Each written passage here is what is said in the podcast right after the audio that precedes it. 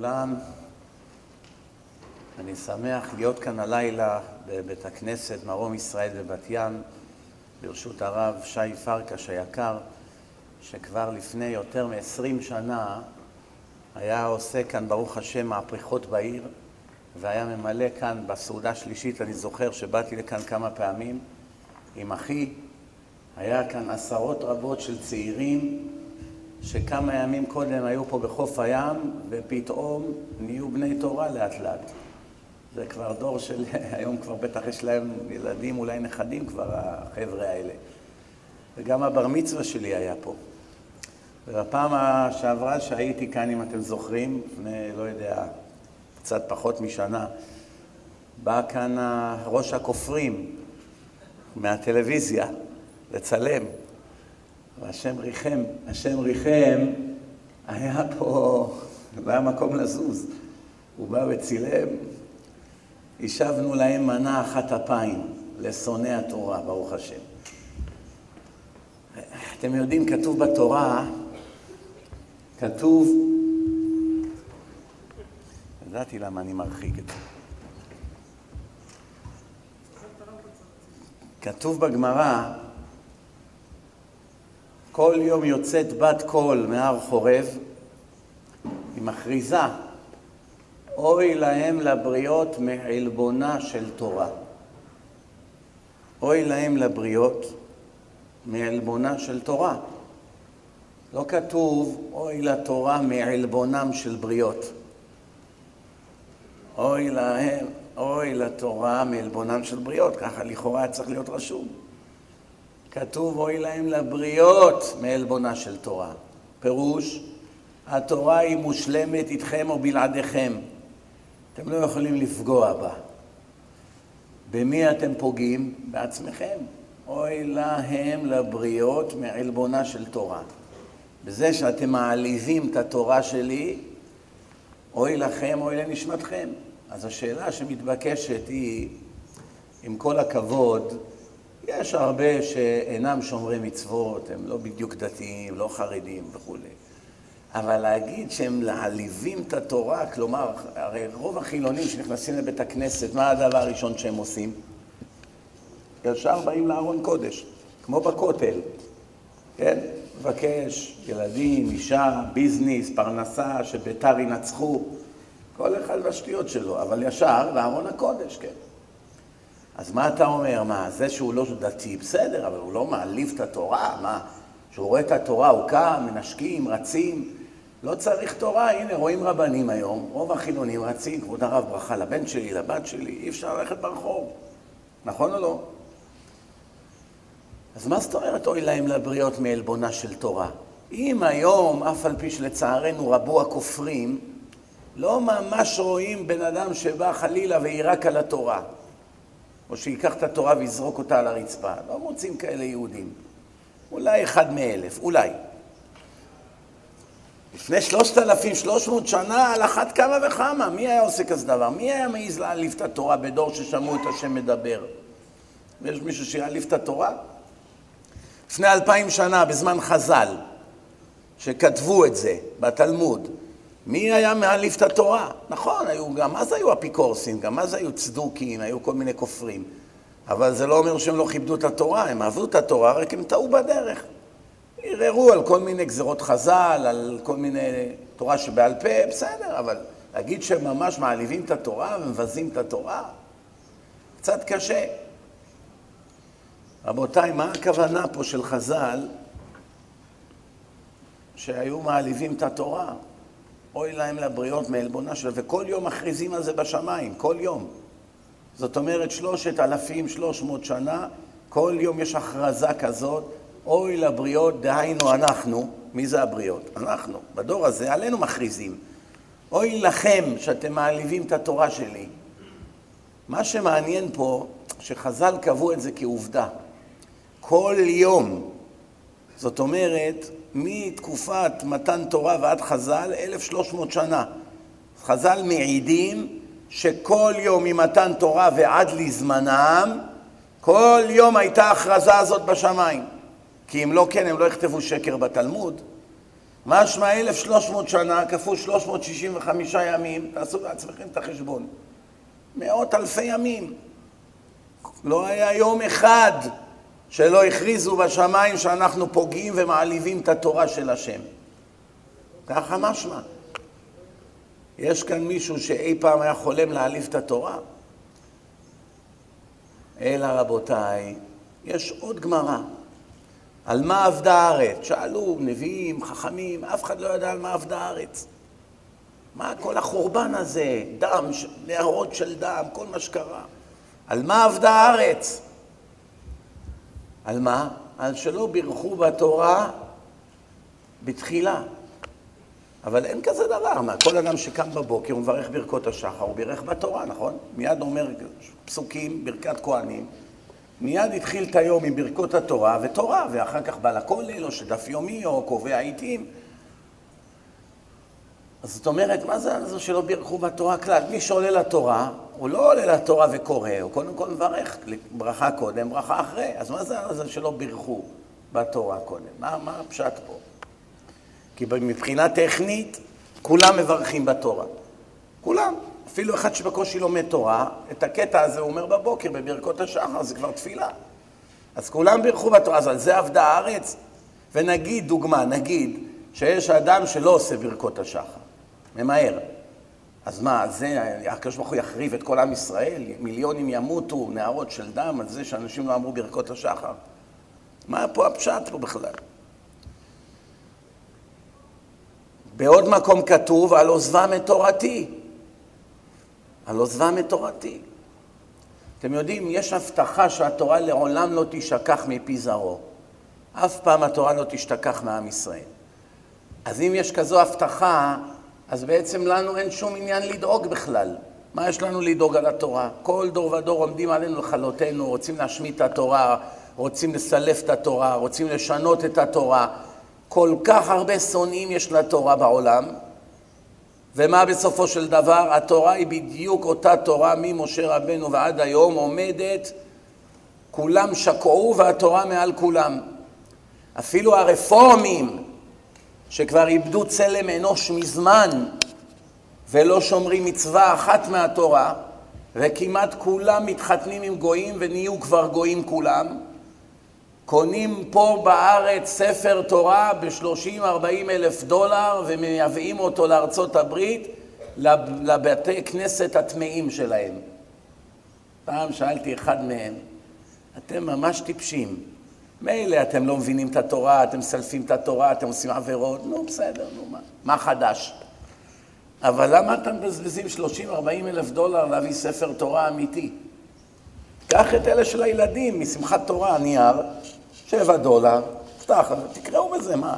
אתם ממילא לא שומרים, לא, אתם גם לא מאמינים בכלום. מה אתם בכלל צריכים תורה? זה, נתחיל מזה. בשביל מה צריך ארון קודש אצלכם?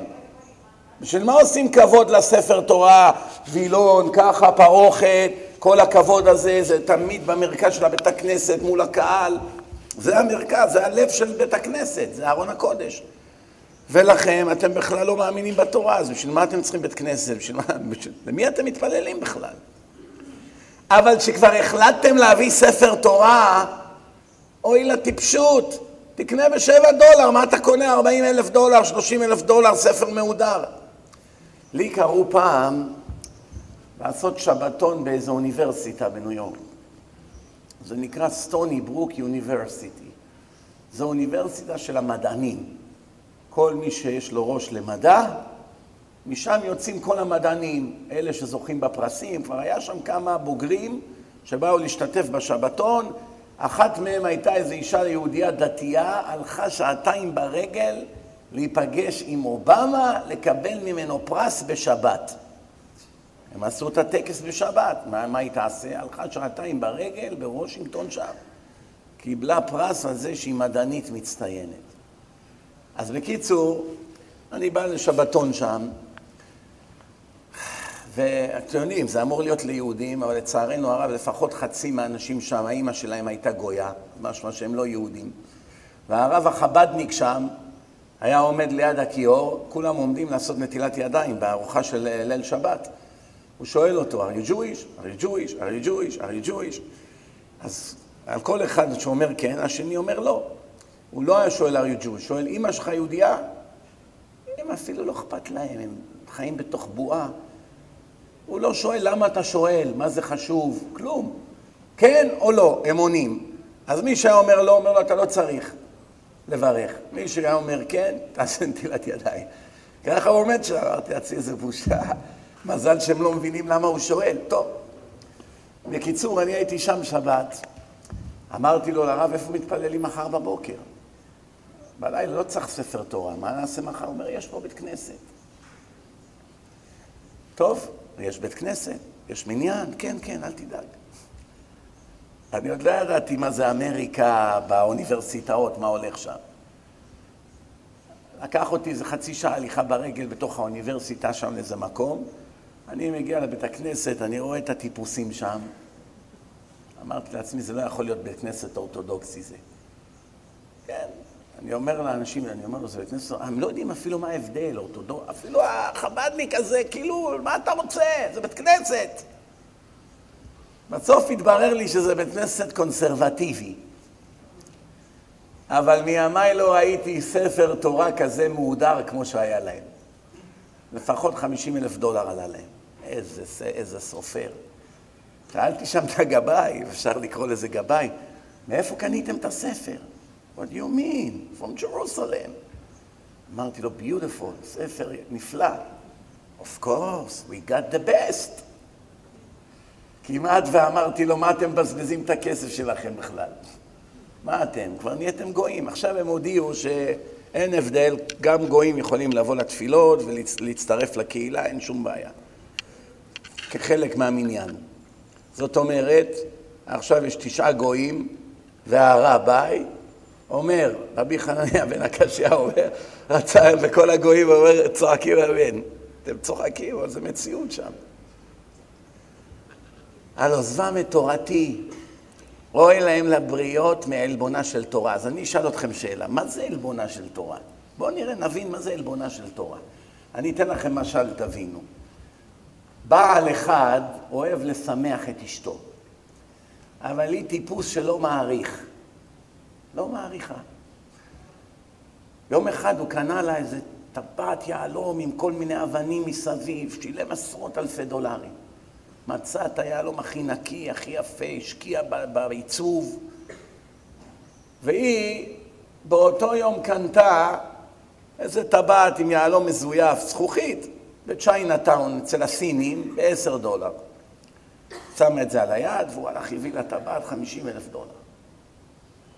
מה זה, בסיפוק, הוא בא, אשתי, לאות הוקרה, אשת חיל, מי ימצא, הביא לה את הטבעת, איזה יהלום קניתי לך, הכי טוב שהיה. והיא, תודה רבה, ככה בקרירות, שישה חודשים, היא כל יום שמה את הזכוכית, עשרה דולר, היא לא נוגעת ביהלום שהוא הביא לה. היהלום נשאר ככה פה על המדף, הוא מחכה, אולי היום, אולי היום, אולי היום. לפעמים היא מסתכלת על זה כמה שניות, זורקת את זה חזרה על המדף. מה אתם אומרים? היא לא באמת באה והעליבה אותו. מתבייש לך, מה זה הטבעת הזאת? מה אתה מביא לי כזאת טבעת? לא. היא פשוט לא השתמשה בה. יש עילבון יותר גדול מזה? שהקדוש ברוך הוא רואה בן אדם שומר שבת. אלה שלא שומרים, הקדוש ברוך הוא לא מצפה מהם כלום, כלום, כלום. במיוחד לא בדור הזה. זה אמר חכם בן ציון אבא שאול זצ"ל. הוא אמר את זה בדרשה. הוא אמר, מה אתם חושבים, הבעיות שלנו הן בגלל החילונים? בכלל הקדוש ברוך הוא מצפה מהם משהו? זה היה לפני 30 שנה שהוא אמר את זה, היום קל וחומר. לפני 30 שנה החילונים עוד ידעו קצת. הילדים החילונים של היום, מה הם יודעים בכלל? הלך איזה רב אחד לתת דרשה בבית, בבית כנסת בתל אביב, בליל שבועות, ממש עוד מעט שבועות מגיע. שואל אותו הרב, איך הכניסו אותך בבית כנסת, בבית ספר חילוני בתל אביב לדבר עשר דקות דברי תורה ביום, ב, בליל, בליל חג שבועות? איך, איך, איך הצלחת להיכנס ככה עם זקן וכובע שחור? הרי הם אלרגיים לאנשים כמונו. איך נתנו לך להיכנס? הוא לא הבין, הוא היה עמום. מילא היית כומר או איזה מפקד החמאס, בסדר, אבל מה מכניסים אותך עם כובע וזקן? אומר לו, כבוד הרב, בתחבולות תעשה לך מלחמה. אתה יודע איך נכנסתי לשם? עברתי משם, אמרתי, אולי אני אתן איזה דרשה לילדים האלה, מסכנים, בחיים לא שמעו דבר תורה. באתי, אמרו, מי, מי, מי ממונה כאן? אומרים לי, המנהלת. באתי למנהלת, אמרתי לה, אכפת לך אם אני אתן לילדים דרשה של כמה דקות על שבועות? היא אמרה לי, ומה אתה חושב? אנחנו לא מלמדים כאן על שבועות? מה, אנחנו לא יהודים? מה, אנחנו פחות יהודים ממך, כבוד הרב? אמרתי לה, לא, חס וחלילה, לא מזלזל בכבודכם, אבל אולי ישמעו קצת איזה סודות, שאולי לומדים רק בישיבות ולא כל כך בבתי ספר. כבוד הרב, בוא נהיה דוגרי. אתה באת לפה כי אתה רוצה להחזיר אנשים בתשובה. עזוב שטויות. שנינו יודעים למה אתה פה. אומר לה, לא, לא, לא. אני בכלל לא אדבר על החזרה בתשובה, על, שמי, על מצוות, כלום. עשר דקות רק על שבועות. מה אכפת לך? אתה מוכן לחתום? להתחייב? אומר כן. היא כתבה. מה שמך? כך וכך, אני הרב כך וכך, מתחייב לדבר עשר דקות דבר תורה בבית ספר כך וכך, בשעה כך וכך, ומתחייב לו להגיד מילה אחת על חזרה בתשובה או על שמירת מצוות. אדבר רק על חג השבועות. וחתם. היא לקחה את זה, בסדר גמור, עכשיו אתה יכול לדבר. למה היא עשתה את זה? שאם יבואו אחר כך ההורים, מה? כפייה דתית? אנחנו שולחים את הילד שלנו לבית ספר בתל אביב, שילמדו אותו רבנים? אז היא פוחדת על העבודה שלה. הנה, מה אתם רוצים? החתמתי אותו, הוא התחייב, הוא רימה אותי, הוא רמאי. כבר מגנה על עצמה. בקיצור, הרב הזה נכנס, דיבר, תשע וחצי דקות רק על שבועות. למה אוכלים מאכלי חלב, למה זה, למה פה, מתן תורה, טוב. נשארה לו עוד חצי דקה, רבותיי, נשארו לנו חצי דקה, דקה, אני אשאל אתכם שאלה. מי כתב את ספר התהילים של עם ישראל? 400 ילדים בבית ספר תיכון בתל אביב, בדור שלנו, לא לפני... עכשיו, בדור הזה.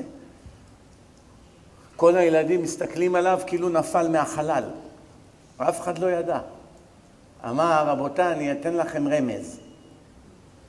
דוד, כולם צעקו, בן גוריון! אנחנו צוחקים, אנחנו צריכים מיד לפרוץ בבכי, זו האמת. אם היינו מאה אחוז צדיקים, מיד היינו פורצים עכשיו בבכי. זה האחים והאחיות שלנו הגיעו לכזה מצב. מסכנים. אז מאלה השם מצפה משהו? ודאי שלא. אז חכם בן ציון, אבא שאול, כבר ידע את זה בדורו לפני שלושים שנה. הוא אמר, אתם חושבים שהבעיות שלנו זה מהחילונים? מהם השם לא מצפה כלום. כבר מבין איפה הם באו ומה הם גדלו ומה מאכילים אותם יום-יום. אנחנו, אנחנו, אלה שיודעים את האמת, אנחנו הסיבה לכל הצרות. אז הוא התחיל לדבר, ביטול תורה, דרך ארץ, מידות, כל מיני דברים שצריכים שיפור. אז מה זאת אומרת עלבונה של תורה? א', יש לך תורה בבית ואתה מתעסק בשטויות, קורא עיתונים, קורא חדשות, צופה בספורט, כל מיני שטויות למיניהם, אפילו קורא ספר מעניין על חשבון התורה, זה עילבון גדול לתורה, מה? עילבון. מה, אתה מעליב את התורה שלי? אני, התורה שלי, אני הכרזתי שזה הדבר הכי חשוב בעיניי. ונתתי אותו לבנים שלי שהם האהובים ביותר בעיניי בזכות אברהם, יצחק ויעקב. והצהרתי בפניכם שאין דבר יותר חשוב לי מהתורה. וגם אמרתי לכם שהמצווה הכי גדולה בכל התורה היא לימוד התורה, כדי שלא יהיו ספקות. לימוד תורה כנגד כולם. ומה עשיתם? הכל חוץ מהדבר הכי חשוב בעיניי. שים טובה. גם שכבר בא ללמוד מכריח את עצמו. אין ברירה, חייבים לקבוע עיתים, כבוד הרב, יש ברירה, מה אני יכול לעשות? במקום לרוץ ברחובות ולצרוח ולהשתולל משמחה, שיש לך הזדמנות לעסוק בתורה אלוקית מבורא עולם, הכל כזה בדיכאון, בעצבות. שאלו את רב משה פיינשטיין זצ"ל, הוא גר בלואוור איסייד במנהטן, שכונה שהייתה פעם חרדית לחלוטין, ולאט לאט הסינים כבשו אותה. וכמעט כל הבתי כנסיות הלכו ונסגרו עם השנים. עד היום הישיבה שלו עדיין עומדת, הבן שלו, הרב דוד פיינשטיין, הוא גדול הדור באמריקה, והוא עדיין מנהל את הישיבה שם, ראש ישיבה, ויש שם כל מיני תלמידי חכמים מה, מהימים ההם. אבל זה, איך אומרים, זה ממש כבר לא שייך באווירה של השכונה. אתם רואים שם הכל בסינית, זה... פה ישיבה קדושה עם היסטוריה, שלמדו שם גדולי עולם. יש שם גמרות משנת 1780, 1820. אתה פותח אותם, הדף מתפורר, דפים צהובים. מכירים את זה? אתה טעות נוגע, קיפלת אותו, נופלים חתיכות קטנות. זה גמרות ענקיות כאלה, בהדפסה, בדפוס עתיק, השורות לפעמים עקומות. בידיים שלי החזקתי אותן. וחשבתי לעצמי, מי למד הגמרות האלה? לך תדע. זה מהתקופה של הגאון מווילנה. לך תדע, אולי הביאו את זה מאירופה, באונייה הרי. למה היהודים התיישבו בתחתית מנהטן? זה נקרא lower east side. lower זה תחתון, east זה מזרחי, side זה צד. הצד התחתון המזרחי של מנהטן. בתחתית, איפה שהמים. למה היהודים כבשו שם את השכונה? הכל היה ביידיש. חסידים דה פולין, יאנג ישראל, כל המקומות האלה. כי היהודים יש להם טבע. הם מגיעים למדינה חדשה עם המזוודות והקש. אז לא היו שואלים כמה קש יש לך במזוודה. בדיקות, מצלמות, עולים על אונייה, כל מה שמכרו באירופה לפני מאה ומשהו שנה, הרבה לפני השואה, החליטו להגר לאמריקה, הגיעו לסיפורט, זה התחתית של מנהטן, ירדו מהאונייה, התחילו ללכת, רואים עיר שוקקת, sale, למכירה, כמה, יאללה, קנו. זה קונה חנות, זה קונה זה, זה קונים. לאט לאט הוא מביא את הדוד, את האח, אתם יודעים איך זה. אחד מגיע, כולם. הגמרא אומרת, עכברים רשעינין הוא. העכברים הם רשעים. למה? אחד גילה את העיסה, קורא לכל החבר'ה. אני מתפלא על חז"ל. מה זאת אומרת העכברים רשעינינו? היו צריכים, היו צריכים לכתוב שהעכברים הם צדיקים. אחד גילה את האוצר, משתתף עם כל החבר'ה. אם היום בן אדם אחד מאיתנו עם זקן וכיפה היה הולך באיזה מקום ביער פה ומגלה אוצר, פתאום נפל באיזה בור, הזיז את העלים, רואה אוצר שמישהו הטמין שם, מימי הטורקים, מטבעות זהב, אבני רובי, מה זה, שווה מיליונים. היה רץ לכל החבר'ה שלו בישיבה, חבר'ה, זכיתם להיות חבר שלי, חברים שלי, בואו, נחלק בינינו את האוצר. מה היו אומרים? בכל העולם היו מפרסמים אותו כצדיק יסוד עולם. איזה בעל חסד, ואהבת לרעך כמוך, לא תעמוד על דם רעך, נושא בעול עם חברו, כל מה שאפשר היה להצמיד לו, היו מצמידים לו. נכון או לא? אז למה אומרים רשעי? הכוונה בשבילנו הם רשעים. הם גזלנים, גוזלים לנו את כל העיסה. זאת אומרת, גם אם אתה נדיב ומתחלק עם שאר השודדים בשלל, אתה עדיין רשע. כי אתה לוקח בלי רשות. לא יעזור לך שנהיית רובין הוד, גוזל מהעשירים ומחלק לעניים. זה מצווה בעבירה אינה מצווה. אבל העכברים מבחינתם זה לא עבירה, כי הם לא מבינים משהו אחר. אין אצלם לא תגנוב, לא תגזול וכולי. אז מה זאת אומרת מעליבים את התורה? א', מתעלמים ממנה. ב', שאלו את רב משה ויינשטיין, למה מנהטן, השכונה החרדית, נהפכה לצ'יינאטאון?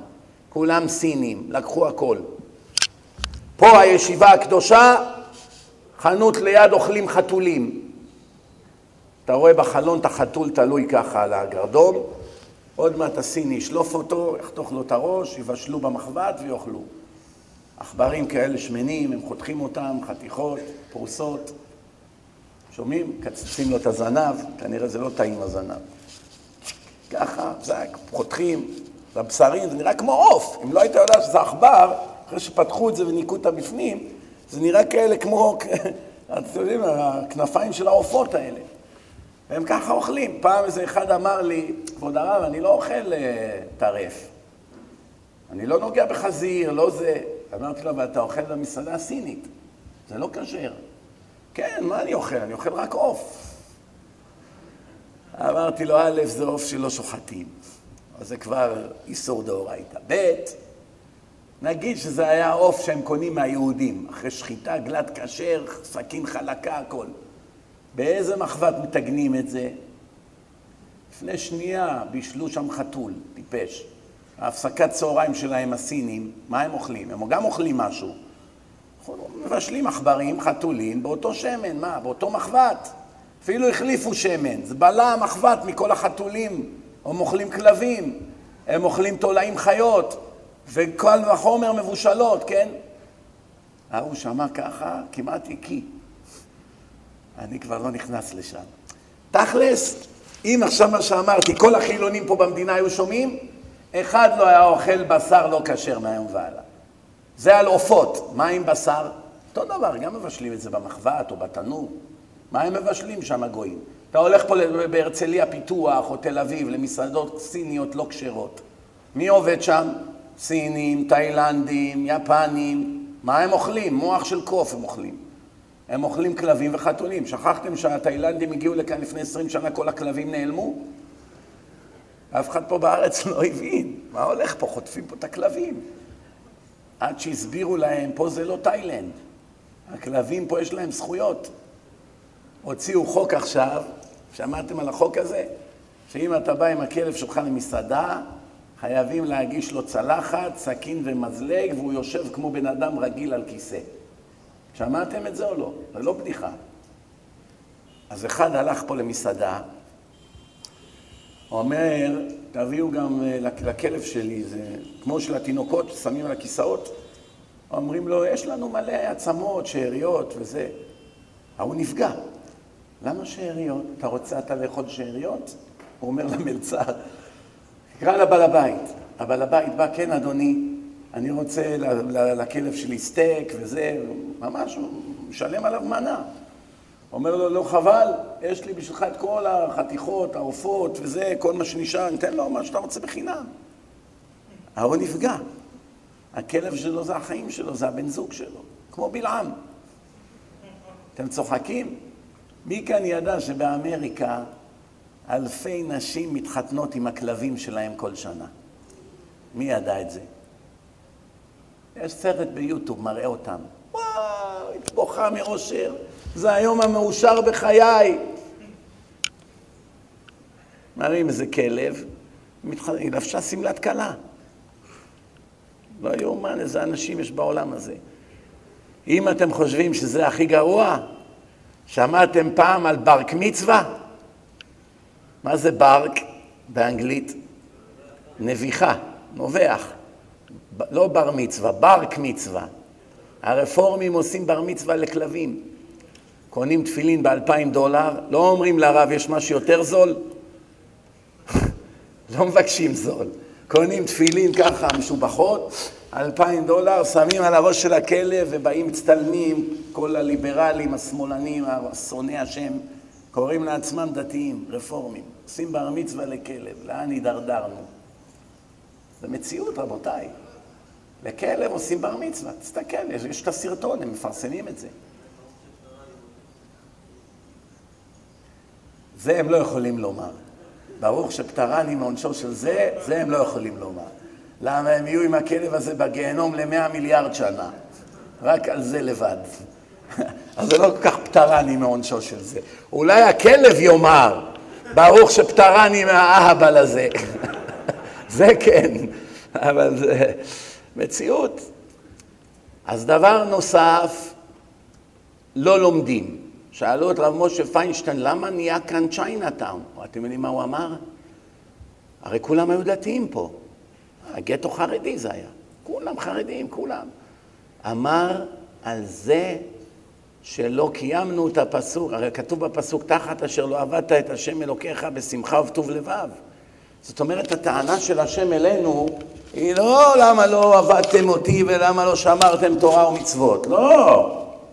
אלא מה? למה לא עשיתם את זה בשמחה? על זה יש לי טענה. הכל נהפך למקום של עבודה זרה. כל העיר נהפכה למקום של עבודה זרה.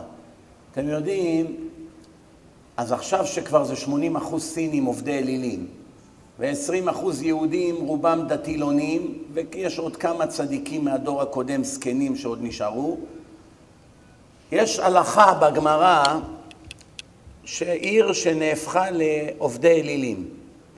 איך קוראים לעיר הזאת? עיר הנידחת. אמנם מדובר ביהודים שמישהו בא והדיח אותם לעבודה זרה, בזמן שמשמידים את העיר הזאת והורגים את כל העובדי אלילים, מה עושים עם הצדיקים שחיים שם? יש צדיקים שם. הרי ראינו שאברהם אבינו ניהל דו-שיח עם השם על הצדיקים, בסד... על הצדיקים בסדום. יש הרבה שחושבים שאברהם רצה להציל את הרשעים. זה לא נכון. אברהם, כל הנקודה שלו הייתה, עשה טוב, אל תהרוג את הצדיקים, כל הרשעים. את הרשעים, בסדר, אין בעיה. אבל למה אתה תספה צדיק עם רשע? השופט כל הארץ לא יעשה משפט? איך אתה רוצה להרוג את הצדיקים ביחד עם כל הרשעים? זאת אומרת, אם הקדוש ברוך הוא היה עונה לאברהם אבינו, אל תדאג, מה חשבת, שאני אהרוג את הצדיקים? הצדיקים כולם ינצלו. בזה היה נגמר הוויכוח. אברהם לא היה ממשיך את הוויכוח לנסות להציל את הרשעים. כמו שיש חלק שאומרים בדרשות שלהם, לא יודע מאיפה הם הביאו את זה. אברהם רק היה אכפת לו מהצדיקים. הוא לא רצה שהצדיקים יאבדו עם הרשעים.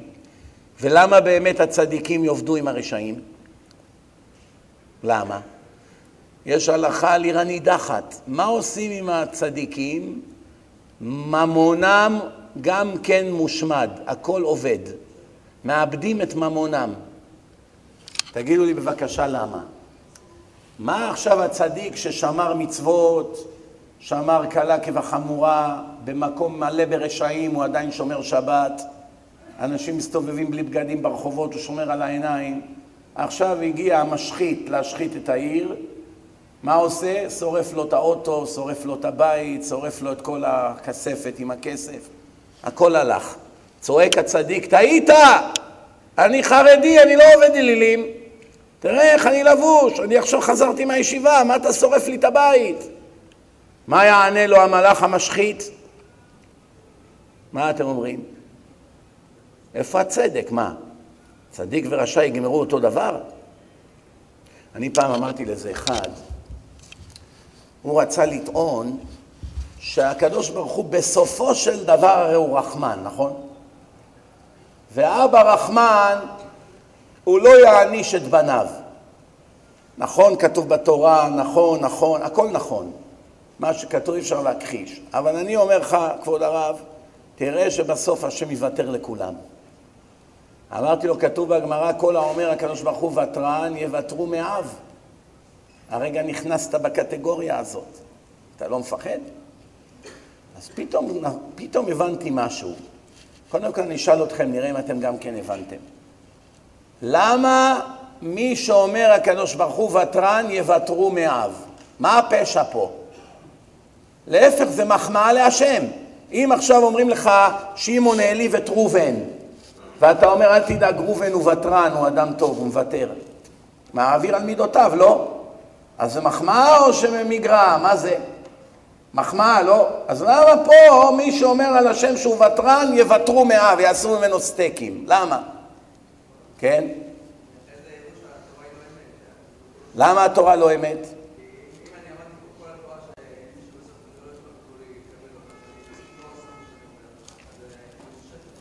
נכון, ענית טוב. יפה מאוד, זכות שלנו. בקיצור, יש פה מציאות פשוטה מאוד. כתוב בתורה, אני אל האמת והצדק. אל האמת. אמת זה מאה אחוז, לא תשעים ותשע נקודה תשע. אל האמת והצדק, אשר לא יישא פנים ולא ייקח שוחד. זאת אומרת, אף אחד במשפט לא יהיה לו פרוטקציות, וגם אף אחד לא יכול לשחד אותי. שאלה ראשונה, אפשר לשחד את השם, מה ניתן לו, אלף דולר? מה אני אציע לו, את הטוסטוס שלי? את השעון? את, את מה אני אציע לו? במה אני יכול לשחד אותו? איך בכלל יהווה אמינא שאדם נורמלי יחשוב שאפשר לשחד את השם במשהו? מה אני אציע לו, תפוז? מה אתם אומרים? אז מה, הוא צריך להגיד לי כזה דבר? מה, כל דבר צריך לכתוב בתורה? גם דברים שהם מובנים מאליהם? למשל, לא כתוב בתורה לא להיות קניבל. לא כתוב שאסור לאכול אנשים. מה הבעיה? אנשים מבינים את זה גם בלי תורה. אלא אם כן הם ממש, יש איזה קניבל אחד, הוא בא לעיר חדשה, הוא היה רעב. אז הוא אמר, איפה הרב פה של העיר? אמרו לו שם. אז הוא בא לכולל, נכנס, איפה הרב? אומרים לו שם, כבוד הרב, באתי לאכול אותך. אז הוא אומר לו, יש פה בעיר הזה הרבה אנשים, למה דווקא באת לאכול אותי? הוא אומר, אני מקפיד על כשרות. אני רגלת כשר אוכל. שומעים? לא יאכל כל אחד עכשיו. בקיצור, אז לא כתוב בתורה לא להיות קניבל, זה מובן מאליו. אף על פי שיהודים צדיקים גדולים אכלו גופות. מתי? בשואה. זה כתוב בפרשת בחוקותיי, אנחנו מגיעים לפרשה עכשיו. כתוב, ואכלתם את בשר ביניכם, לא עלינו. זה כבר קרה בחורבן בית המקדש, אבל זה לא קרה רק בחורבן בית המקדש. זה קרה בשואה. היו הולכים שלושה ימים בקרח, בלי נעליים, והיו גופות קפואות בצד הדרך.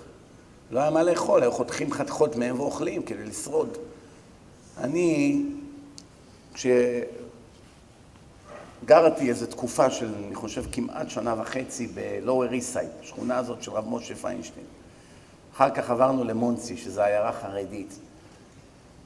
כשגרתי שם, נולד הבן שלי הראשון. היום הוא בן 21, אבל היה אז ברית מילה בשכונה שם. שאלתי את הרב שם, מי הצדיק הכי גדול פה? שיבוא, יקרא לו בשם, יברך. סנדה כבר היה לי. אמרתי, צריך מישהו שיעשה את הברכות בברית ויקרא לו את השם. אמרו לי, יש כאן גדול עולם, הרב של הגטו בשואה. זה רב מפורסם, יש לו ספר על שאלות ששאלו אותו במחנות.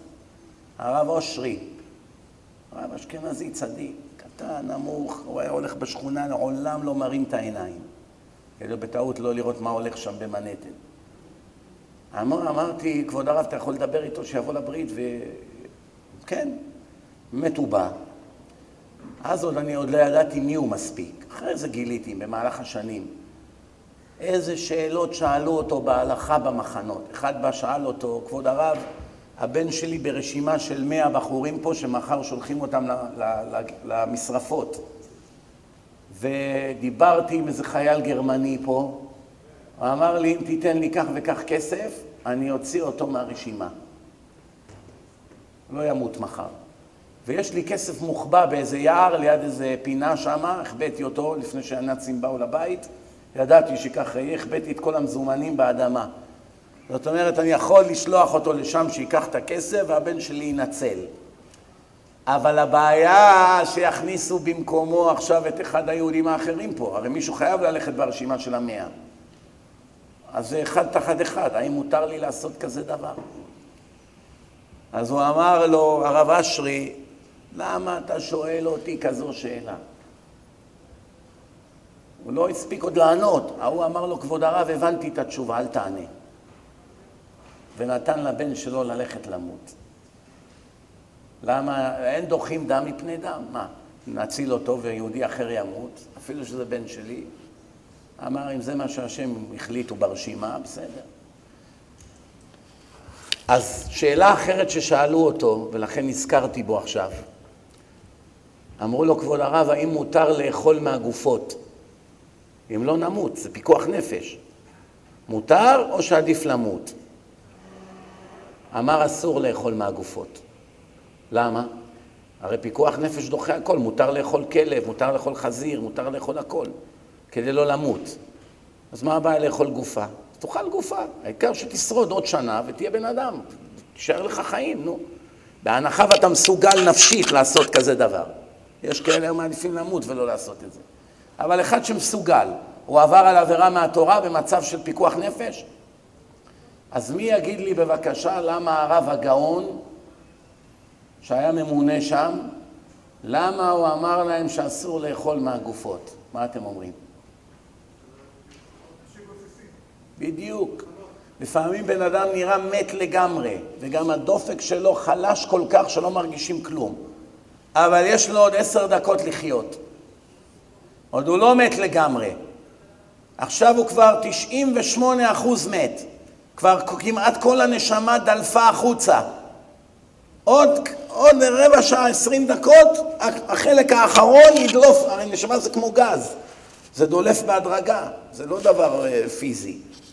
נשמה זה רוח, היא יוצאת בהדרגה. ראיתי בספרים שחודש לפני המוות היא מתחילה לדלוף. לאט לאט כבר הבן אדם מתכונן כבר למעבר. אז מה קרה פה? אם עכשיו בן אדם יבוא ויחתוך חתיכה ממנו, יכול להיות שהוא אפילו לא יזוז. כי הוא כבר 98% מת, אבל יש בו עדיין נשמה. נכשלת ברצח, האם מותר לרצוח מישהו בשביל להציל את עצמך ממוות? לא. לרצוח יהודי בשביל זה? אז כבר יש פה בעיה של רצח. דבר שני, יש כאן עוד בעיה. נגיד שבן אדם רק שני שליש מת. יש לו עוד ארבע שעות לחיות. והוא כבר זרוק, שלד עצמות, ועדיין טיפה זז. איי, איי, מים. עכשיו, אתה הולך על הדרך, עכשיו מצאת אותו ככה בצד. ומילא הוא כבר גמור, זהו, נשאר לו עוד כמה שעות.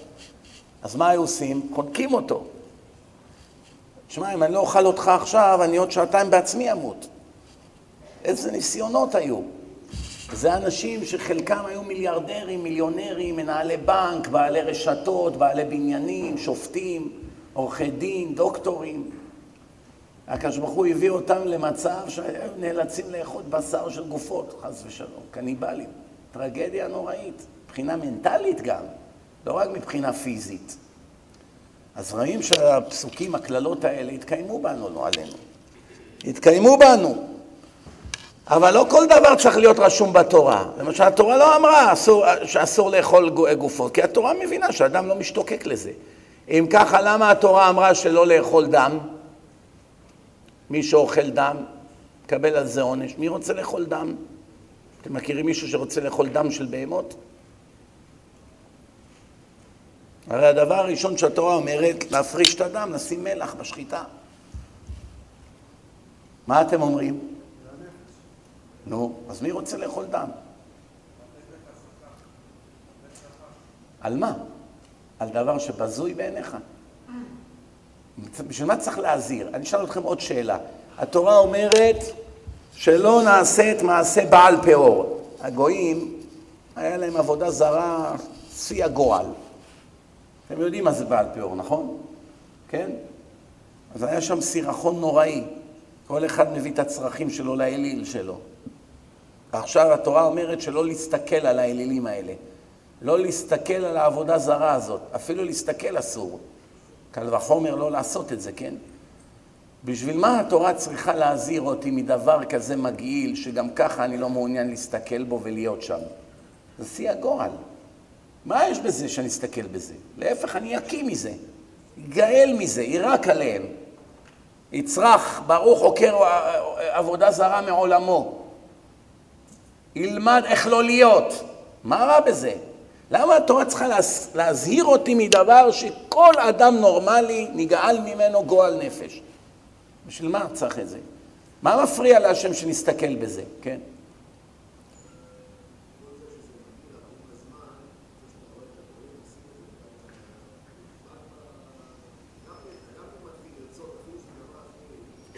אז אתה אומר דבר חשוב ונכון. מיד צריכים לשאול את עצמנו, רגע, הרי חלק מהגויים האלה שעושים את זה, זה דוקטור, זה עורך דין, זה שופט, זה איש עסקים. הרי זה לא עכשיו גויים שאם תדבר איתו מתמטיקה הוא לא מבין, או אם תדבר איתו, אני יודע מה, על כל מיני דברים בעולם הזה, הוא פיקח מאוד. הוא איזה רואה חשבון, או לא יודע מה, אנשים, איך אומרים, שולטים בפירמידה. אז איך הם עושים כזה דבר? איך זה יכול להיות? אז קודם כל, מה מבטיח שאתה לא תהיה כמותם? הרי גם הם הלכו כמוך לאוניברסיטה. והנה, תראה מה הם עושים. זה אחד. דבר שני, יש סוד. סוד, בתורה יש הרבה פסיכולוגיה חבויה. רוב האנשים יכולים ללמוד כל החיים שלהם גמרא והם לא יודעים את זה. שמתוך התורה אפשר ללמוד את כל תורת הפסיכולוגיה. האמיתית, לא מה שמלמדים פה באוניברסיטאות בעולם, שזה ערבוב של אמת ושקר. פסיכולוגיה אמיתית. והתורה אומרת לך בדיוק על מה מותר להסתכל, על מה אסור, מה מותר להגיד, מה אסור, מה מותר להגיד לאשתך, מה אסור להגיד לה, מה מותר לומר לילדים, מה אסור לומר לילדים. כל מיני דברים שהם פסיכולוגיה ענקית. הרי חז"ל היו אלופי הפסיכולוגיה. הם ידעו להעריך את בני האדם בעומק הכי עמוק שיש. אבל אני רוצה לשאול אתכם שאלה. מה הפריע להשם שיסתכלו בזה? התורה מלמדת יסוד. האדם, אף על פי שהוא נגעל ונרתע מדבר מסוים במודע, במודע, זאת אומרת, אני עכשיו ערני, מבין עניין, רואה משהו, נגעל ממנו. ברגע שמדברים איתך הרבה על הדבר הזה, או שמראים לך הרבה את הדבר הזה, מתעוררת בך תאווה לדבר המתועב הזה בתת מודע, לא במודע. במודע אתה נגעל, איזה גועל נפש, תעיף אותי מפה, אני לא יכול לנשום פה. לא יכול לראות אותם, בא לי להקיא, הכל אמת. תחבר אותו למכונת אמת, ותראה שכל מה שהוא אומר, שהוא נגעל עכשיו ובא לו להקיא והוא מצטער שעבר פה וזה, הכל אמת. ובעוד חצי שנה תראה אותו עומד שם בראש העובדי עבודה זרה, וככה, ומקטיר קטורת, אתה אומר, בוא'נה, לפני חצי שנה עברתי איתך פה, הכית, נגעלת, מה, איך נהיית ראש הכמרים? התעוררה אצלו בתת מודעת אהבה לדבר הזה. לכן התורה ידעה את נפשו של האדם. הרי הקדוש ברוך הוא חילק את הנשמה לשני מחלקות. יש את המודע ויש את התת מודע. באנגלית זה נקרא conscious, sub-conscious. ככה זה בפסיכולוגיה. למשל, רוב האינפורמציה שלנו בחיים, איפה זה נשמר? במודע או בתת מודע? מה אתם אומרים? יפה. עכשיו, אני אתן לכם דוגמה. אדם אחד, זה רוב האינפורמציה, כמעט כל האינפורמציה בחייך נשמרת בתת מודע, לא במודע. עכשיו אני אתן לכם דוגמה למה אני מתכוון. אדם לא חשב על המורה שלו מבית ספר יסודי עשרים שנה. מילה, כלום. הוא לא עבר לו בערעור אפילו בראש. יום אחד הוא הולך ברחוב, רואה מישהו מוכר, תוך שתי שניות הוא הבין מי זה המורה והתחילו לרוץ לו במחשבות כל הקטעים שהיו עם המורה הזה. ואם היית שואל אותו לפני עשר דקות, תגיד, אתה זוכר את המורה פלוני ומה שהיה איתו וזה, רוב הסיכויים שבכלל הוא לא יודע על מה אתה מדבר בכלל. איך שהוא ראה את הפרצוף שלו, כל האינפורמציה קפצה. זה דומה קצת לגוגל, אתה מכניס איזה מילה, זה מוציא לך את כל ההיסטוריה שאי פעם דיברת על המילה הזאת. הוא יודע לזהות. או דברים שאתה באופן תדיר משתמש בהם הרבה, הוא שולף לך. זה עובד מאוד דומה. אני אתן לכם עוד דוגמה. אדם אחד חזר מהעבודה, יורד מהאוטובוס, הולך חמש דקות עד לבניין שלו. אשתו משקיפה עליו מהחלון, היא רואה שהוא מסתכל על הרצפה כל הדרך. כשהוא מגיע הביתה, היא אומרת לו, תגיד, משה, אתה יכול להגיד לי את כל מה שראית על הרצפה מהתחנה עד לבית? אז הוא אומר לאשתו, תגידי, אין לך מה לעשות בחיים? מה זה השטויות האלה עכשיו? לא, אני סקרנית, ראיתי אותך שאתה מסתכל מאוד מאוד בקפדנות על הרצפה ברחוב. תגיד לי מה ראית. לא ראיתי כלום ברצפה, שום דבר. חשבתי על העבודה, היה לי יום מעצבן היום. כל הדרך חשבתי על העבודה. אז אתה לא יכול להגיד מה ראית ברצפה? לא. חמש דקות אחרי היא רוצה לתלות איזו תמונה על הקיר, היא מחפשת מסמר במגירות, זה אין מסמר. אומרת, יאללה, עכשיו צריכים לחכות עד מחר, ללכת לחנות, לקנות מסמרים. מסמר אחד אני צריכה. אומר, לא, אני אביא לך מסמר, חכי רגע. הוא יורד למטה, רץ לכיוון התחנה, מרים מסמר מהרצפה, חוזר לבית, מביא לה מסמר. אומרת לו, איך ידעת שהמסמר שם? מה זאת אומרת? אני עכשיו הלכתי מהתחנה, ראיתי את המסמר. אז היא אומרת לו, אבל לפני חמש דקות שאלתי אותך אם אתה יכול להגיד דבר אחד שראית על הרצפה. לא ראית כלום, אמרת. איך עכשיו ידעת איפה המסמר? מה רואים מכאן? המצלמה של האדם היא מצלמת הכל. כמו שהשם מצלם את הכל, עין רואה ואוזן שומעת וכל מעשיך והספר נכתבים, כל שנייה בחייך אתה מוקלט. כל עבירה, כל דיבור, כל לשון הרע, הכל בחדרי חדרים, העמדת פנים, צביעות, כל מה שאנחנו עושים לצערנו הרב, הכל מוקלט. והכל בווידאו והכל גם באודיו. ובסוף את הכל יביא השם במשפט, כמו שאמר שלמה. את האלוקים ירא ואת מצוותיו שמור, כי זה כל האדם. סוף דבר הכל נשמע, חביבי. בסוף יראו לך את הכל. ואז מה? הוא לא היה צריך מסמר, לכן המוח סינן את זה. מה להתעסק עכשיו בזכוכיות ובאבנים ובחול ובמסמרים שיש על הרצפה? אם אני אכניס את זה למודע שלך, לא תוכל ללמוד תורה, לא, לא תוכל לעבוד, לא תוכל לתפקד. כל שנייה ייכנס לך מיליארדים של אינפורמציות למוח. אי אפשר יהיה לחיות דקה. איך תוכל? איך תוכל ללמוד עכשיו, סוגיה בגמרא. אם כל שנייה ייכנס לך מיליארדים של זה, המעקה, האורות, הציפור הזאת שעפה פה, מעניין, תמיד יש פה ציפורים, זה מעניין. שומעים? כל מיני דברים שקורים, אנשים הולכים, נכנסים, דלת נפתחת, זה, הסוכר נפל.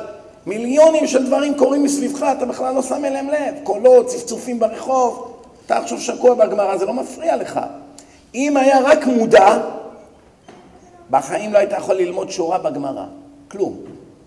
כל שנייה זה היה נקטע. מיליון, מיליונים של אינפורמציות היו נכנסים לך במוח. בום, בום, בום, בום, בום, בום. איך אפשר ללמוד? השם סינן.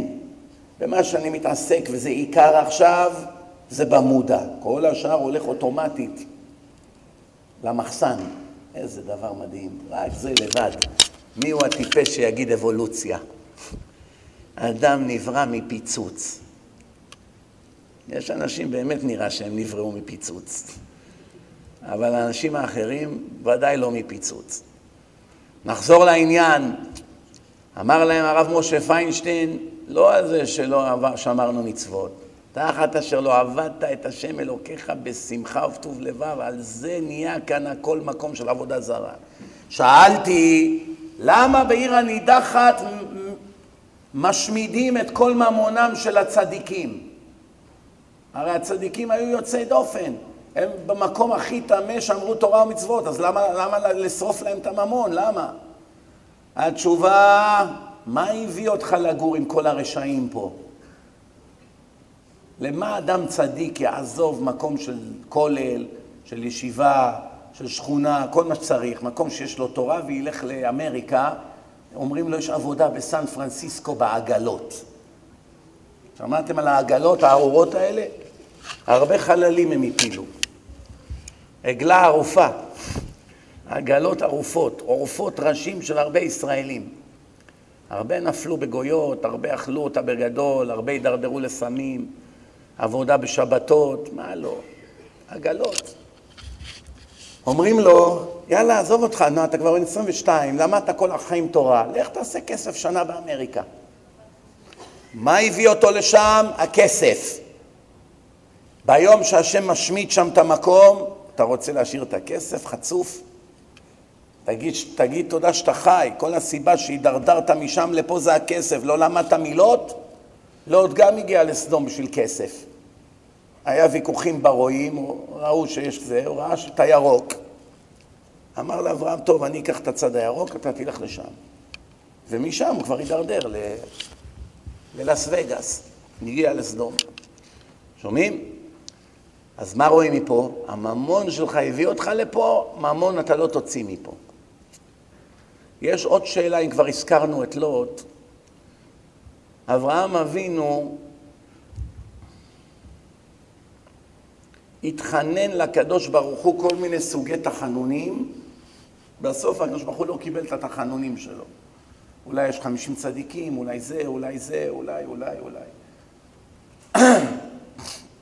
לוט, מי היה יותר צדיק, אברהם או לוט? אין בכלל מה לשאול, נכון? תסבירו לי בבקשה אם כן, שבאו המלאכים להשמיד את סדום. המטוסים כבר בשמיים, פצצות אטום על המטוסים, מחכים לפקודה של טראמפ להוריד את הפצצות. עכשיו יש אחד, רוצים לחלץ אותו, לא רוצים להוריד אותו יחד עם כולם. שלחו קומנדו, קומנדו לחלץ את לוט. מי הקומנדו? המלאכים. באו להחריב את סדום, אבל גם מצילים עכשיו את לוט, את בנותיו, חתנים, אשתו. אשתו מסתובבת, נהפכת למלח, החתנים שלו צוחקים, הלכו לאן שהגיע להם, לוט ובנותיו ניצלו. בדרך לא צריך ללכת למקום שהשם אמר למלאכים, הוא אומר להם, אני לא יכול, זה, זה גבוה, קשה לי עכשיו ללכת עד לשם. תשאירו אותי פה, עיר עם יותר ביזנס. אז המלאכים פתאום אומרים לו, אה, אם אתה רוצה ללכת לשם, בסדר. מה זאת אומרת? אני לא מבין. השם אמר, קחו אותו לשם, למה אתם לוקחים אותו לצוהר שם? מה רואים מכאן? בקשה של בן אדם עם לב נשבר יכולה להיות שווה כמו אלף של אדם צדיק בלי לב נשבר. אדם רשע בלב שבור, בקשה שלו עושה מיד פעולה בשמיים, מה שאברהם, שהיה פי מיליון יותר צדיק ממנו, ביקש מאה פעמים מהשם, לא יודע כמה, ולא עזר. ולוט אמר, אל תהרגו את העיר הזאת, תנו לי ללכת לשם. שם אל תתקיפו. והמלאך מסכים. שינוי תוכנית. המפקד בשטח שינה את כל התוכנית של הרמטכ"ל. למה? היה שם איזה בן אדם בצער שביקש בקשה. על המקום אמר, אין בעיה, נשנה את כל המבצע. פלא פלאים. זה, על זה אומרים בתפילה ובברית מילה, לב נשבר ונתקה, אלוקים לא תבזה. השם לא יבזה תפילה של לב נשבר ונתקה, לא כתוב לב צדיק נשבר ונתקה. כל לב. אולי אפילו של גוי. לב נשבר ונתקה, אלוקים לא תבזה. כתוב בנביא יחזקאל, שהקדוש ברוך הוא אומר לו, עכשיו אני שולח אותך לתת נבואה לעם ישראל, אבל אני כבר מכין אותך. מה? ובית ישראל לא יאבו לשמוע אליך. למה? כי אינם אוהבים לשמוע אליי. אל תיקח את זה אישית, יחזקאל. זה לא משהו אישי נגדך. הם אותי לא סובלים.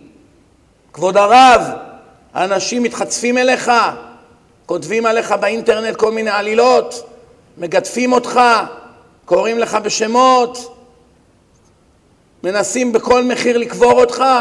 אל תיקח את זה אישית, זה בכלל לא בינם לבינך. את התסכול והשנאה שלהם להשם הם מוציאים עליך. לא נעים להם עכשיו להגיד, אני שונא את השם, אני מצפצף על השם.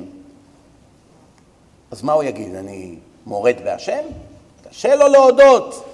את מי הוא מוציא את העצבים שלו? על הרב, על הדרשן. על הדרשן, כמו אחד שמעשן והרופא אומר לו, אתה צריך מהר ניתוח. הולך הביתה, צורח, איזה רופא שלחת אותי. אם הייתי יכול, הייתי הורג אותו. אשתו אומרת לו, מטומטם שכמוך. במקום לנשק לו את הרגליים שאמר לך מה מצבך, אתה, אתה צועק עליו? אבל זה המציאות. אומר הנביא, אומר השם לנביא, ובית ישראל לא יאבו לשמוע אליך כי אינם אוהבים לשמוע אליי. זה לא איתך הבעיה, איתי. כי כל בית ישראל חזקי מצח וקשי לב המה. בושה הכי גדולה בהיסטוריה, זה כתוב בתנ"ך. שומעים? וזה גם כתוב בעוד מקום, מי יודע איפה? בעוד מקום זה כתוב. זה כתוב בתנ"ך שבני, שבית ישראל חזקי מצח הם, עקשנים, קשי לב, לב קשה, אטום, קשי עורף, נו בקיצור. איפה זה עוד כתוב? מי יודע? באמנת החמאס. שם זה כתוב. שם תסתכלו באמנת החמאס. שהקימו את החמאס, יימח שמם, מי זה היה? שייח' יאסין. שמעתם עליו? זה עם הכיסא גלגלים, זוכרים אותו? הוא הקים את החמאס, ויום אחד חיל האוויר הישראלי עם איזה הליקופטר, חיכו לו, הוא יצא מהמסגד, שלחו לו טיל ישר לראש. שומעים? העיפו לו את הראש מהמקום. באיזה שעה זה היה? חמש לפנות בוקר, הוא גמר שחרית כבר. כבוד הרב, אין מניין שני? קשה קצת שבע וחצי. נפלת עלינו כבד, כבוד הרב. שייח' יאסין, חמש גמר כבר שחרית. בן אדם על כיסא גלגלים, רוצח מתועב, חלאת המין האנושי, גמר שחרית בחמש. על כיסא גלגלים. יש אנשים, יש להם כיסא גלגלים, לא עלינו, הם פטורים מתפילה כל החיים. למה אתה לא הולך לבית כנסת? איך אני אלך? דחילק, תראה כמה אני סובל.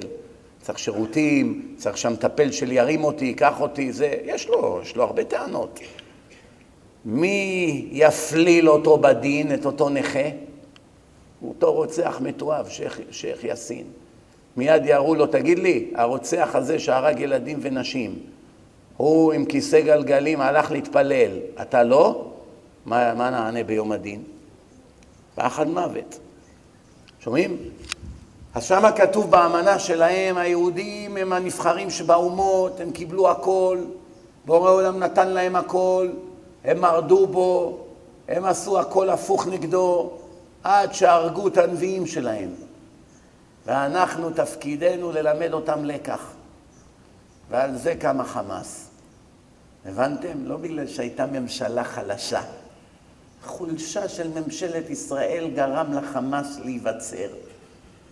חולשה של בני ישראל בתורה ובמצוות ובהתנהגות, זה מה שהביא את החמאס וגם את החיזבאללה וגם את איראן. רואים שהקדוש ברוך הוא עוזר לאיראן מאוד. אתה צריך להיות עיוור לא לראות את זה. איך יכול להיות שהשם עוזר לרשעים האלה? איך? הרי אין שום ספק שהם רוצים להשמיד מיליונים של אנשים. הם לא יותר טובים מהיטלר. אין בכלל ספק שאם היה למשוגע הזה אחמניג'אד פצצת אטום, ייתכן מאוד שהוא היה זורק אותה. אתם יודעים, יש פה דבר מאוד מעניין. חשבתי פעם, איך הקדוש ברוך הוא נתן שבית המקדש יהפך לבית טומאה הזה שלהם? בשרם בשר אתם יודעים מה. בתוך בית המקדש? איך זה יכול להיות? זה כבר היה כתוב 600 שנה לפני בפרקי דרבי אליעזר. אחד הדברים שיקרו בעתיד לבוא, שהישמעאלים יבנו בניין בהיכל. נבואה מדהימה. היום אני קצת מבין, אני חושב שאני מבין. אם חס וחלילה האויבים האלה של עם ישראל, ייתכן מאוד שכבר יש להם פצצת אטום. ייתכן שכבר יש להם. פקיסטן יש להם. מה הבעיה לפקיסטן לקחת מהם 100 מיליון דולר ולמכור להם פצצה? הם צריכים כסף, הם מתים ברעב שם, לא? או ביליון דולר, הם ישלמו כל מחיר בשביל להשמיד אותנו. אם הפקיסטן יגידו להם, נשלח לכם פצצת אטום במבצע חשאי, מיליארד דולר תנו לנו. אתם חושבים שפקיסטן לא ימכרו להם? בעיניי זה כבר קרה כמה פעמים. אז למה הם לא זרקו עדיין? למה הם לא זרקו? הם פוחדים להשמיד את המסגד. המסגד הזה הציל אותנו. מתוך הצער והעונש, גם כשהשם מכה, יש בזה טוב. חייבים לברך על הרעה כשם שמברכים על הטובה. יכול להיות גם שאחד הסיבות שהם לא זורקים, כי יש פה שני מיליון ישמעאלים. גם מזה הם פוחדים. להרוג שני מיליון מהאחים שלהם. זה אני לא כל כך מאמין לתירוץ השני. הם רק משתמשים בהם כעניין פוליטי. ייתכן שיש סיבה שלישית למה הם לא זורקים, מי יודע? הצבא הישראלי, יש לו צוללות מפוזרות בים, ויש לו כל מיני פצ... טילים עם פצצות אטום מקוונים על כל מיני מקומות באיראן, מאזרבייג'אן, מכל מיני מקומות. והם יודעים כבר, שלחו להם אזהרה, אם אתם רק תראו טיל לכיוון ישראל, מיד 20 או 30 טילים יפלו עליכם ו-70 מיליון איש ימותו אצלכם, בשנייה. גם אם תשמידו את ישראל, מהצוללות שנמצאות בים, נשמיד את כל איראן. הם גם רוצים לחיות, הנבלות האלה. לא אכפת להם שימותו שלושת רבעי מאיראן, זה האייתולות. אבל מה מבטיח להם שהם גם לא ימותו? אתם יודעים מה ההבדל בין הנאצים לערבים? מי יותר גרוע? מה אתם אומרים? הערבים של החמאס או חיזבאללה או הנאצים? מי יותר גרוע? מצד אחד שקוראים את הסיפורים בשואה, קשה להאמין שיכול להיות יותר גרוע מזה. כן, לא יכול להיות מפלצות יותר גדולות מזה. ואף על פי כן, כתוב שהגלות האחרונה, גלות ישמעאל, היא הקשה מכולם. זאת אומרת, יותר משל אדום, יותר משל עשיו, יותר משל הנאצים. איך זה יכול להיות? מי יכול להגיד לי באיזה סיטואציה אפשר יהיה לומר שישמעאלי רוצח מהחמאס הוא גרוע יותר מרוצח ש... שהוא מהנאצים? מי יכול להגיד כזה דבר? אני אגיד לכם את התשובה. התשובה, הנאצי, עם כל השנאה שלו ליהודים, אם היו אומרים לו, אתה יכול עכשיו להרוג פה את כל היהודים, אבל אתה צריך בעצמך להיפצע, לשבור יד. הוא לא היה מסכים. שערה לא תרד לי מהראש. בשביל יהודים? מה פתאום? אז הם יחיו, שיחיו. אני לא איפגע, אני לא אהיה נכה, אני לא אמות יחד איתם. אבל יש לך אלפי יהודים פה, תהרוג את כולם, הרי אתה שונא אותם, נכון? אז תמות גם אתה, והנה 50 אלף יהודים ימותו איתך. הוא לא היה מסכים בחיים. הערבי, גם אם לא אומרים לו אתה צריך למות, הוא קופץ ישר לתוך הפצצה גם כן. העיקר להרוג יהודים, ולא אכפת לי, אני אקח גם את העשרה ילדים שלי ביחד, שכולנו נמות של להרוג יהודי אחד. זה נאצים לא היו מוכנים. מוכנים להרוג יהודים כל עוד זה לא פוגע בהם אישית. והערבי מוכן שכל המשפחה שלו ימותו בשביל להרוג יהודי אחד בתל אביב. זה עוד לא היה בהיסטוריה כזה דבר. שאנשים מוכנים שכל המשפחה שלהם תמות וישרף להם הבתים והם יסבלו עשרות שנים בכל העולם רק בשביל להרוג פה ושם בן אדם? זה פלא פלאים. זה פלא פלאים כזה דבר. רואים מכאן את יד השם, רבותיי, השם הביא עלינו את הצרה הזאת. וזה כתוב בפרשת בחוקותיי. אני רוצה רק לסיים, כי זמני אוזל, אני חייב לנסוע לטיסה עוד רבע שעה לצאת. שימו לב מה עוד אומר הקדוש ברוך הוא לנביא, ובזה נסיים. ואתה כי הזהרת רשע. נביא הולך להזהיר את הרשעים, להוכיח, לדרוש ברבים. ואתה כי הזהרת רשע, ולא שב מרשעו, ומדרכו הרשעה, הוא בעוונו ימות ואתה את נפשך הצלת. הלכת דיברת עם אדם רשע, אדם שלא שומר תורה ומצוות במזיד. אמרת לו חזור בך, חילול שבת זה עבירה יותר חמורה מרצח. יקרתנו את נשמתך לנצח נצחים. חבל עליך אחי, תתעורר. ונשאר חילוני, הוא הביא על עצמו חורבן לנצח, כתוב מפורש, הוא לא שב מרשעו ומדרכו הרשעה, הוא בעוונו ימות. כל פעם שכתוב בתורה מוות, מדובר על מוות נצחי, רוחני. כל פעם, כל הפעמים, יש לי הרצאה שלמה, הכנה לחיי הנצח, תשמעו את זה. הוכחות שכל הפעמים שמדברים בתורה על חיים, כוונה חיים של הנשמה, שזה נצח, לא חיים של הגוף. כי הגוף תמיד מת. מרגע שהוא יצא לעולם, הוא מתחיל למות. הוא בתהליך של מוות. הוא לא יכול, אי אפשר לקרוא למישהו שבתהליך של מוות חי. איך שנולדת, הבטריה מתחילה לרדת, אז אתה בתהליך של למות. הדבר היחיד שבך שיכול לחיות זה הנשמה שנדבקת לבורא, ואז אתה נחשב חי.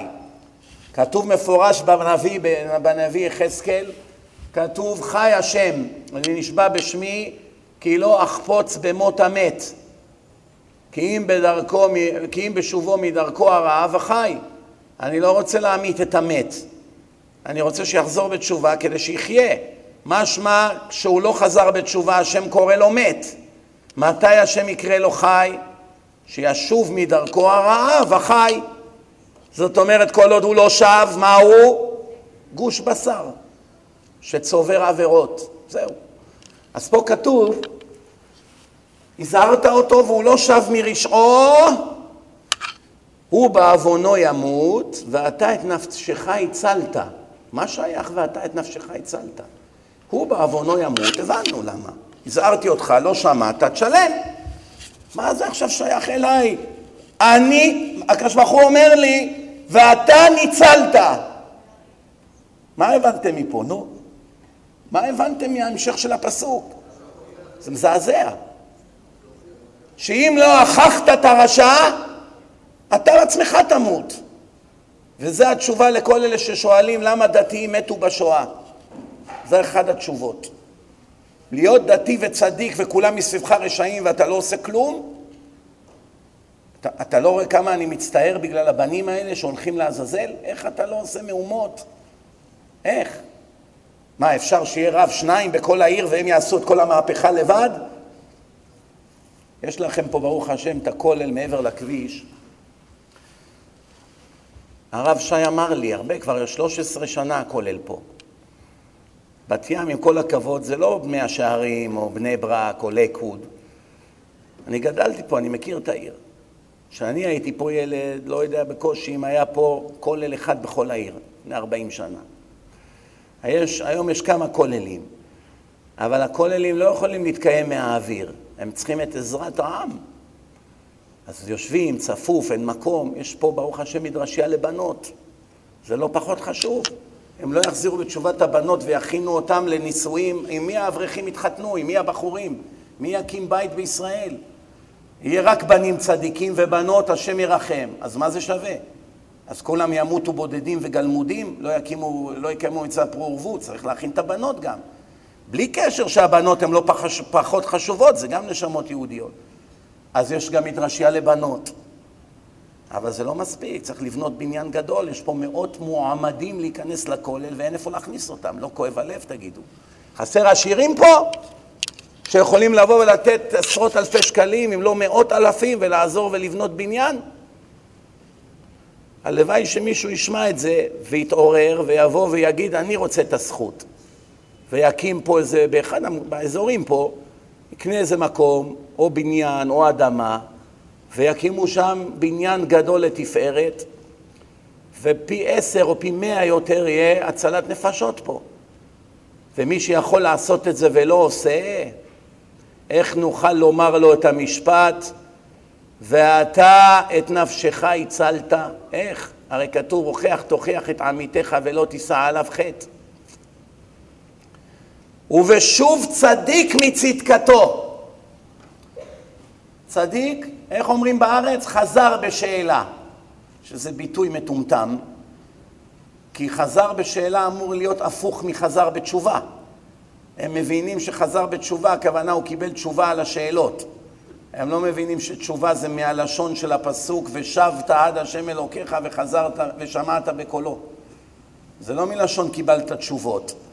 ושבת עד השם, מלשוב, לא לקבל תשובות, לשוב חזרה אל השם. אז זה לא שייך לחזר בשאלה. שאלה זה הפוך של תשובה, אבל פה לא מדברים על תשובה, מדברים על לשוב אל השם, לא לתת תשובות. אתם באמת חושבים שאנשים חילונים בגלל שאין להם תשובות על הדת? כל החיים שלי חשבתי ככה. זה לא נכון. אדם מחליט אם להיות צדיק או רשע, ועכשיו בהתאם לכך הוא בוחר תירוצים. אם הוא החליט להיות צדיק, הוא מחפש ראיות לבסס למה. ואם הוא רוצה להיות רשע, הוא מתחיל לחפש באינטרנט דברי כפירה להצדיק את דרכו.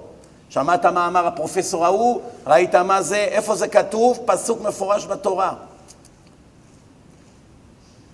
משה, השם אמר למשה, נעשה אדם בצלמנו כדמותנו. משה אמר לו, למה אתה כותב בלשון רבים? נעשה. יחשבו שיש כמה אלוהים. תגיד, אעשה. השם אמר לו, תכתוב בכל זאת. למה הרוצה לטעות יבוא ויטעה. מי שכבר החליט להיות רשע, הוא כבר ימצא איך, אל תדאג, הוא לא צריך פסוקים מתאים. הרי כתוב עשר פעמים במקומות אחרים שאני האל היחיד, בשמיים ממעל והארץ מתחת אין עוד. כל זה לא מספיק. לדעת שיש רק אל אחד שהוא תמיד היה ותמיד יהיה ומנהל את העולם, פסוקים מפורשים. מהכל מתעלמים, באיזה פסוק נדבקים? נעשה אדם בצלמנו. כי זה מה שבחרת להיות. לכל הפחות הרוב היה צריך לקבוע בעיניך, נכון? אם כתוב עשר פעמים ככה ופעם אחת יש ספק. עשר פעמים זה לא מספיק? נכון או לא? אז הוא אומר ככה, בשוב הצדיק מצדקו ועשה עוול ונתתי מכשול לפניו. מה זה עכשיו ונתתי מכשול לפניו? שימו לב, כל מילה פה זה עולם ומלואו. אחד שהיה צדיק והחליט להיות חילוני, הוא מתחיל לדרדר, מה השם עושה לו? קובר אותו עוד יותר מהר. בדרך שאדם רוצה להילך מוליכים אותו. החלטת להיות רשע, בוא אני אעזור לך. אני פעם אחת, באו לי כמה חבר'ה צעירים לשבת במונסי, מברוקלין, שעתיים ומשהו נסיעה. אחד, כולם חילונים. ביום שבת, בסעודה, דיברתי מוסר, פתאום אחד מהאורחים נעלם. איפה, נגיד, קראו לו איציק, לא זוכר, אני מדבר לכם לפני עשרים שנה, נעלם. איפה איציק? לא יודע, אולי הוא בחדר. באים לחדר, התיק שלו שם, הוא לא שם. מחפשים אותו מקדימה, מחפשים אותו מאחורה. מעניין, אולי בשירותים, דופקים בשירותים. איציק, איפה אתה? אין קול ואין עונה. כל השבת אנחנו נבוכים. איפה נעלם איציק? וואו, איזה... וואי וואי וואי, בא אליך לשבת והעלמת אותו? מה מתברר? לא התאים לו לשמור שבת. מרוב הטומאה שהייתה בו, הוא ברח, הלך, הלך אולי קילומטר לצומת הראשית בעיר, כי אנחנו גרים באזור פרטי, אין שם אוטובוסים, כלום, זה שכונות פרטיות. הלך למרכז של העיר יום שישי בלילה, והתיק שלו וכל הדברים והכסף, הכל בחדר. אין לו כסף. תראו מה זה שאדם טמא, מה הוא מסוגל לעשות. הוא לא יכול להתחבר לשבת עד כדי כך. אוכל טעים, דברי תורה, ברח. הגיע לשם, עכשיו הוא צריך מונית לברוקלין, כמו תגידו מבת ים לחיפה. כמה עולה מונית מבת ים לחיפה? 500 שקל, יותר, משהו כזה, לא? הרבה כסף, בערך 200 דולר. עכשיו, אני לא יודע, אני, אף אחד לא יודע מה קרה איתו. אף אחד לא יודע מה קרה איתו. במוצאי שבת, חברים שלו לקחו את התיק שלו ונסעו. עברו חודשים! יום אחד הלכתי להגיד מזל טוב באיזה חתונה, אני כמעט ואין לי בכלל זמן ללכת לחתונות כל השנה, בכלל. כל לילה אני בדרשות, אז אין לי זמן. היה לי איזה, איך אומרים, פתח של איזה חצי שעה לדרך, יאללה, אני אכנס ואגיד מזל טוב. אני עולה במדרגות, בא לי איזה אחד עם זקן, לא זיהיתי אותו. כבוד הרב, מה? אני בא, אה, איזה משמיים, אני פוגש אותך פה. באתי לבקש ממך מחילה. מי אתה? מה? אתה לא זוכר אותי? אני הבן אדם שהייתי אצלך לפני עשרה חודשים וברחתי באמצע השבת. אותו כיפה, זקן. אני מסתכל עליו, אני אומר לו, אז מה קרה? אומר, אתה רואה, בסופו של דבר, למרות שעצבנת אותי, מה שדיברת, לא יכולתי לברוח מהאמת, חזרתי בתשובה. אמרתי לו, אבל עכשיו אני כבר חודשים מת לדעת מה קרה איתך. תספר לי מה היה. איך אומרים? הוא אומר לי, הלכתי, התחלתי ללכת לחפש איפה אני אמצא מונית. והשארתי את התיק בחדר, אין לי כסף עליי. אני מגיע למרכז העיר, אני רואה מונית, אני עוצר אותו. אני רואה, אומר, אני מתחיל לדבר איתו, מסתבר שזה נהג רוסי. מדבר במבטא רוסי כבד. והבן אדם הזה היה בוכרי, אז בוכרים מדברים רוסית. התחיל לדבר איתו ברוסית, אומר לו, אני עכשיו נתקעתי פה בלי כסף, בלי כלום, אני צריך להגיע לברוקלין. אמר לו הרוסי, תבוא, אני אקח אותך בחינם. תראו מה זה, השם שלח לו שליח בחינם. איפה בן אדם נמצא פה ביום שישי בלילה מונית לחיפה בחינם? לקח אותו עד הבית, והוא צריך גם לחזור עכשיו למונסי, הלוך חזור, רק הדלק שם זה הון. אומר לי, לקח אותי עד ברוקלין בחינם. לא היה לי כסף לתת, מסכים. אמרתי לו, ככה היה לך נס? תראה מה זה. זה מה שכתוב פה. מה כתוב פה, רבותיי? ובשוב צדיק מצדקו ועשה עוול, ונתתי מכשול לפניו. אני עוד יותר אכשיל אותו, מידה כנגד מידה, עזבת אותי. זה, זה הדרך שבחרת. הוא ימות, כי לא יזהרתו בחטאתו ימות. לא, תשמעו עכשיו פסוק קטלני, קטלני, תחזיקו חזק את הכיסאות. לא תזכרנה צדקותיו אשר עשה. כל השנים שהוא שמר, הכל הלך לעזאזל ברגע אחד. אני מוחק הכל. שומעים מה זה לחזור בשאלה? מה אתה חושב שזה צחוק? ודמו מידך אבקש. אתה יכולת להחזיר אותו בתשובה יהודי, ולא החזרת, אתה אשם. אתה רצחת אותו. מה אני רצחתי אותו? אני סך הכל רב. מה, אני יכול להחזיר את כל העולם בתשובה? כל מי שיכל להציל אותו והתרשל, הוא רוצח. ככה כתוב פה, זה לא אני, זה תורה מפורשת. איי, אם היו יודעים העשירים כמה דין הם ייתנו על זה שהם מבזבזים את הכספים שלהם על שטויות ולא מחזירים אנשים בתשובה, הם לא היו ישנים בלילה מלחץ. הם דואגים, הדולר עלה, הדולר עלה, הדולר ירד, כל מיני שטויות מדאיגות אותם. אבל זה שהבני דודים שלו והאחים שלו וההורים שלו והילדים שלו ומי לא חללי שבת, זה לא מדאיג אותו. הוא יושן טוב בלילה. איך אפשר לישון בלילה? אני לא מבין. בנימה זאת, אני רוצה לסיים בהודעה. כמו שאתם יודעים, אני כל כמה חודשים מגיע לארץ, שבועיים, שלוש, ארבע, של הרצאות, ברוך השם. באים המון המון אנשים ומתחזקים, ואנחנו מחלקים מעל אלפיים דיסקים כל לילה בשיטה קבוע. ואנחנו עומדים להביא עכשיו עוד חצי מיליון דיסקים לארץ. הבאנו מיליון שהם עשו רעש גדול מאוד, ברוך השם, חזק וברוך. ו...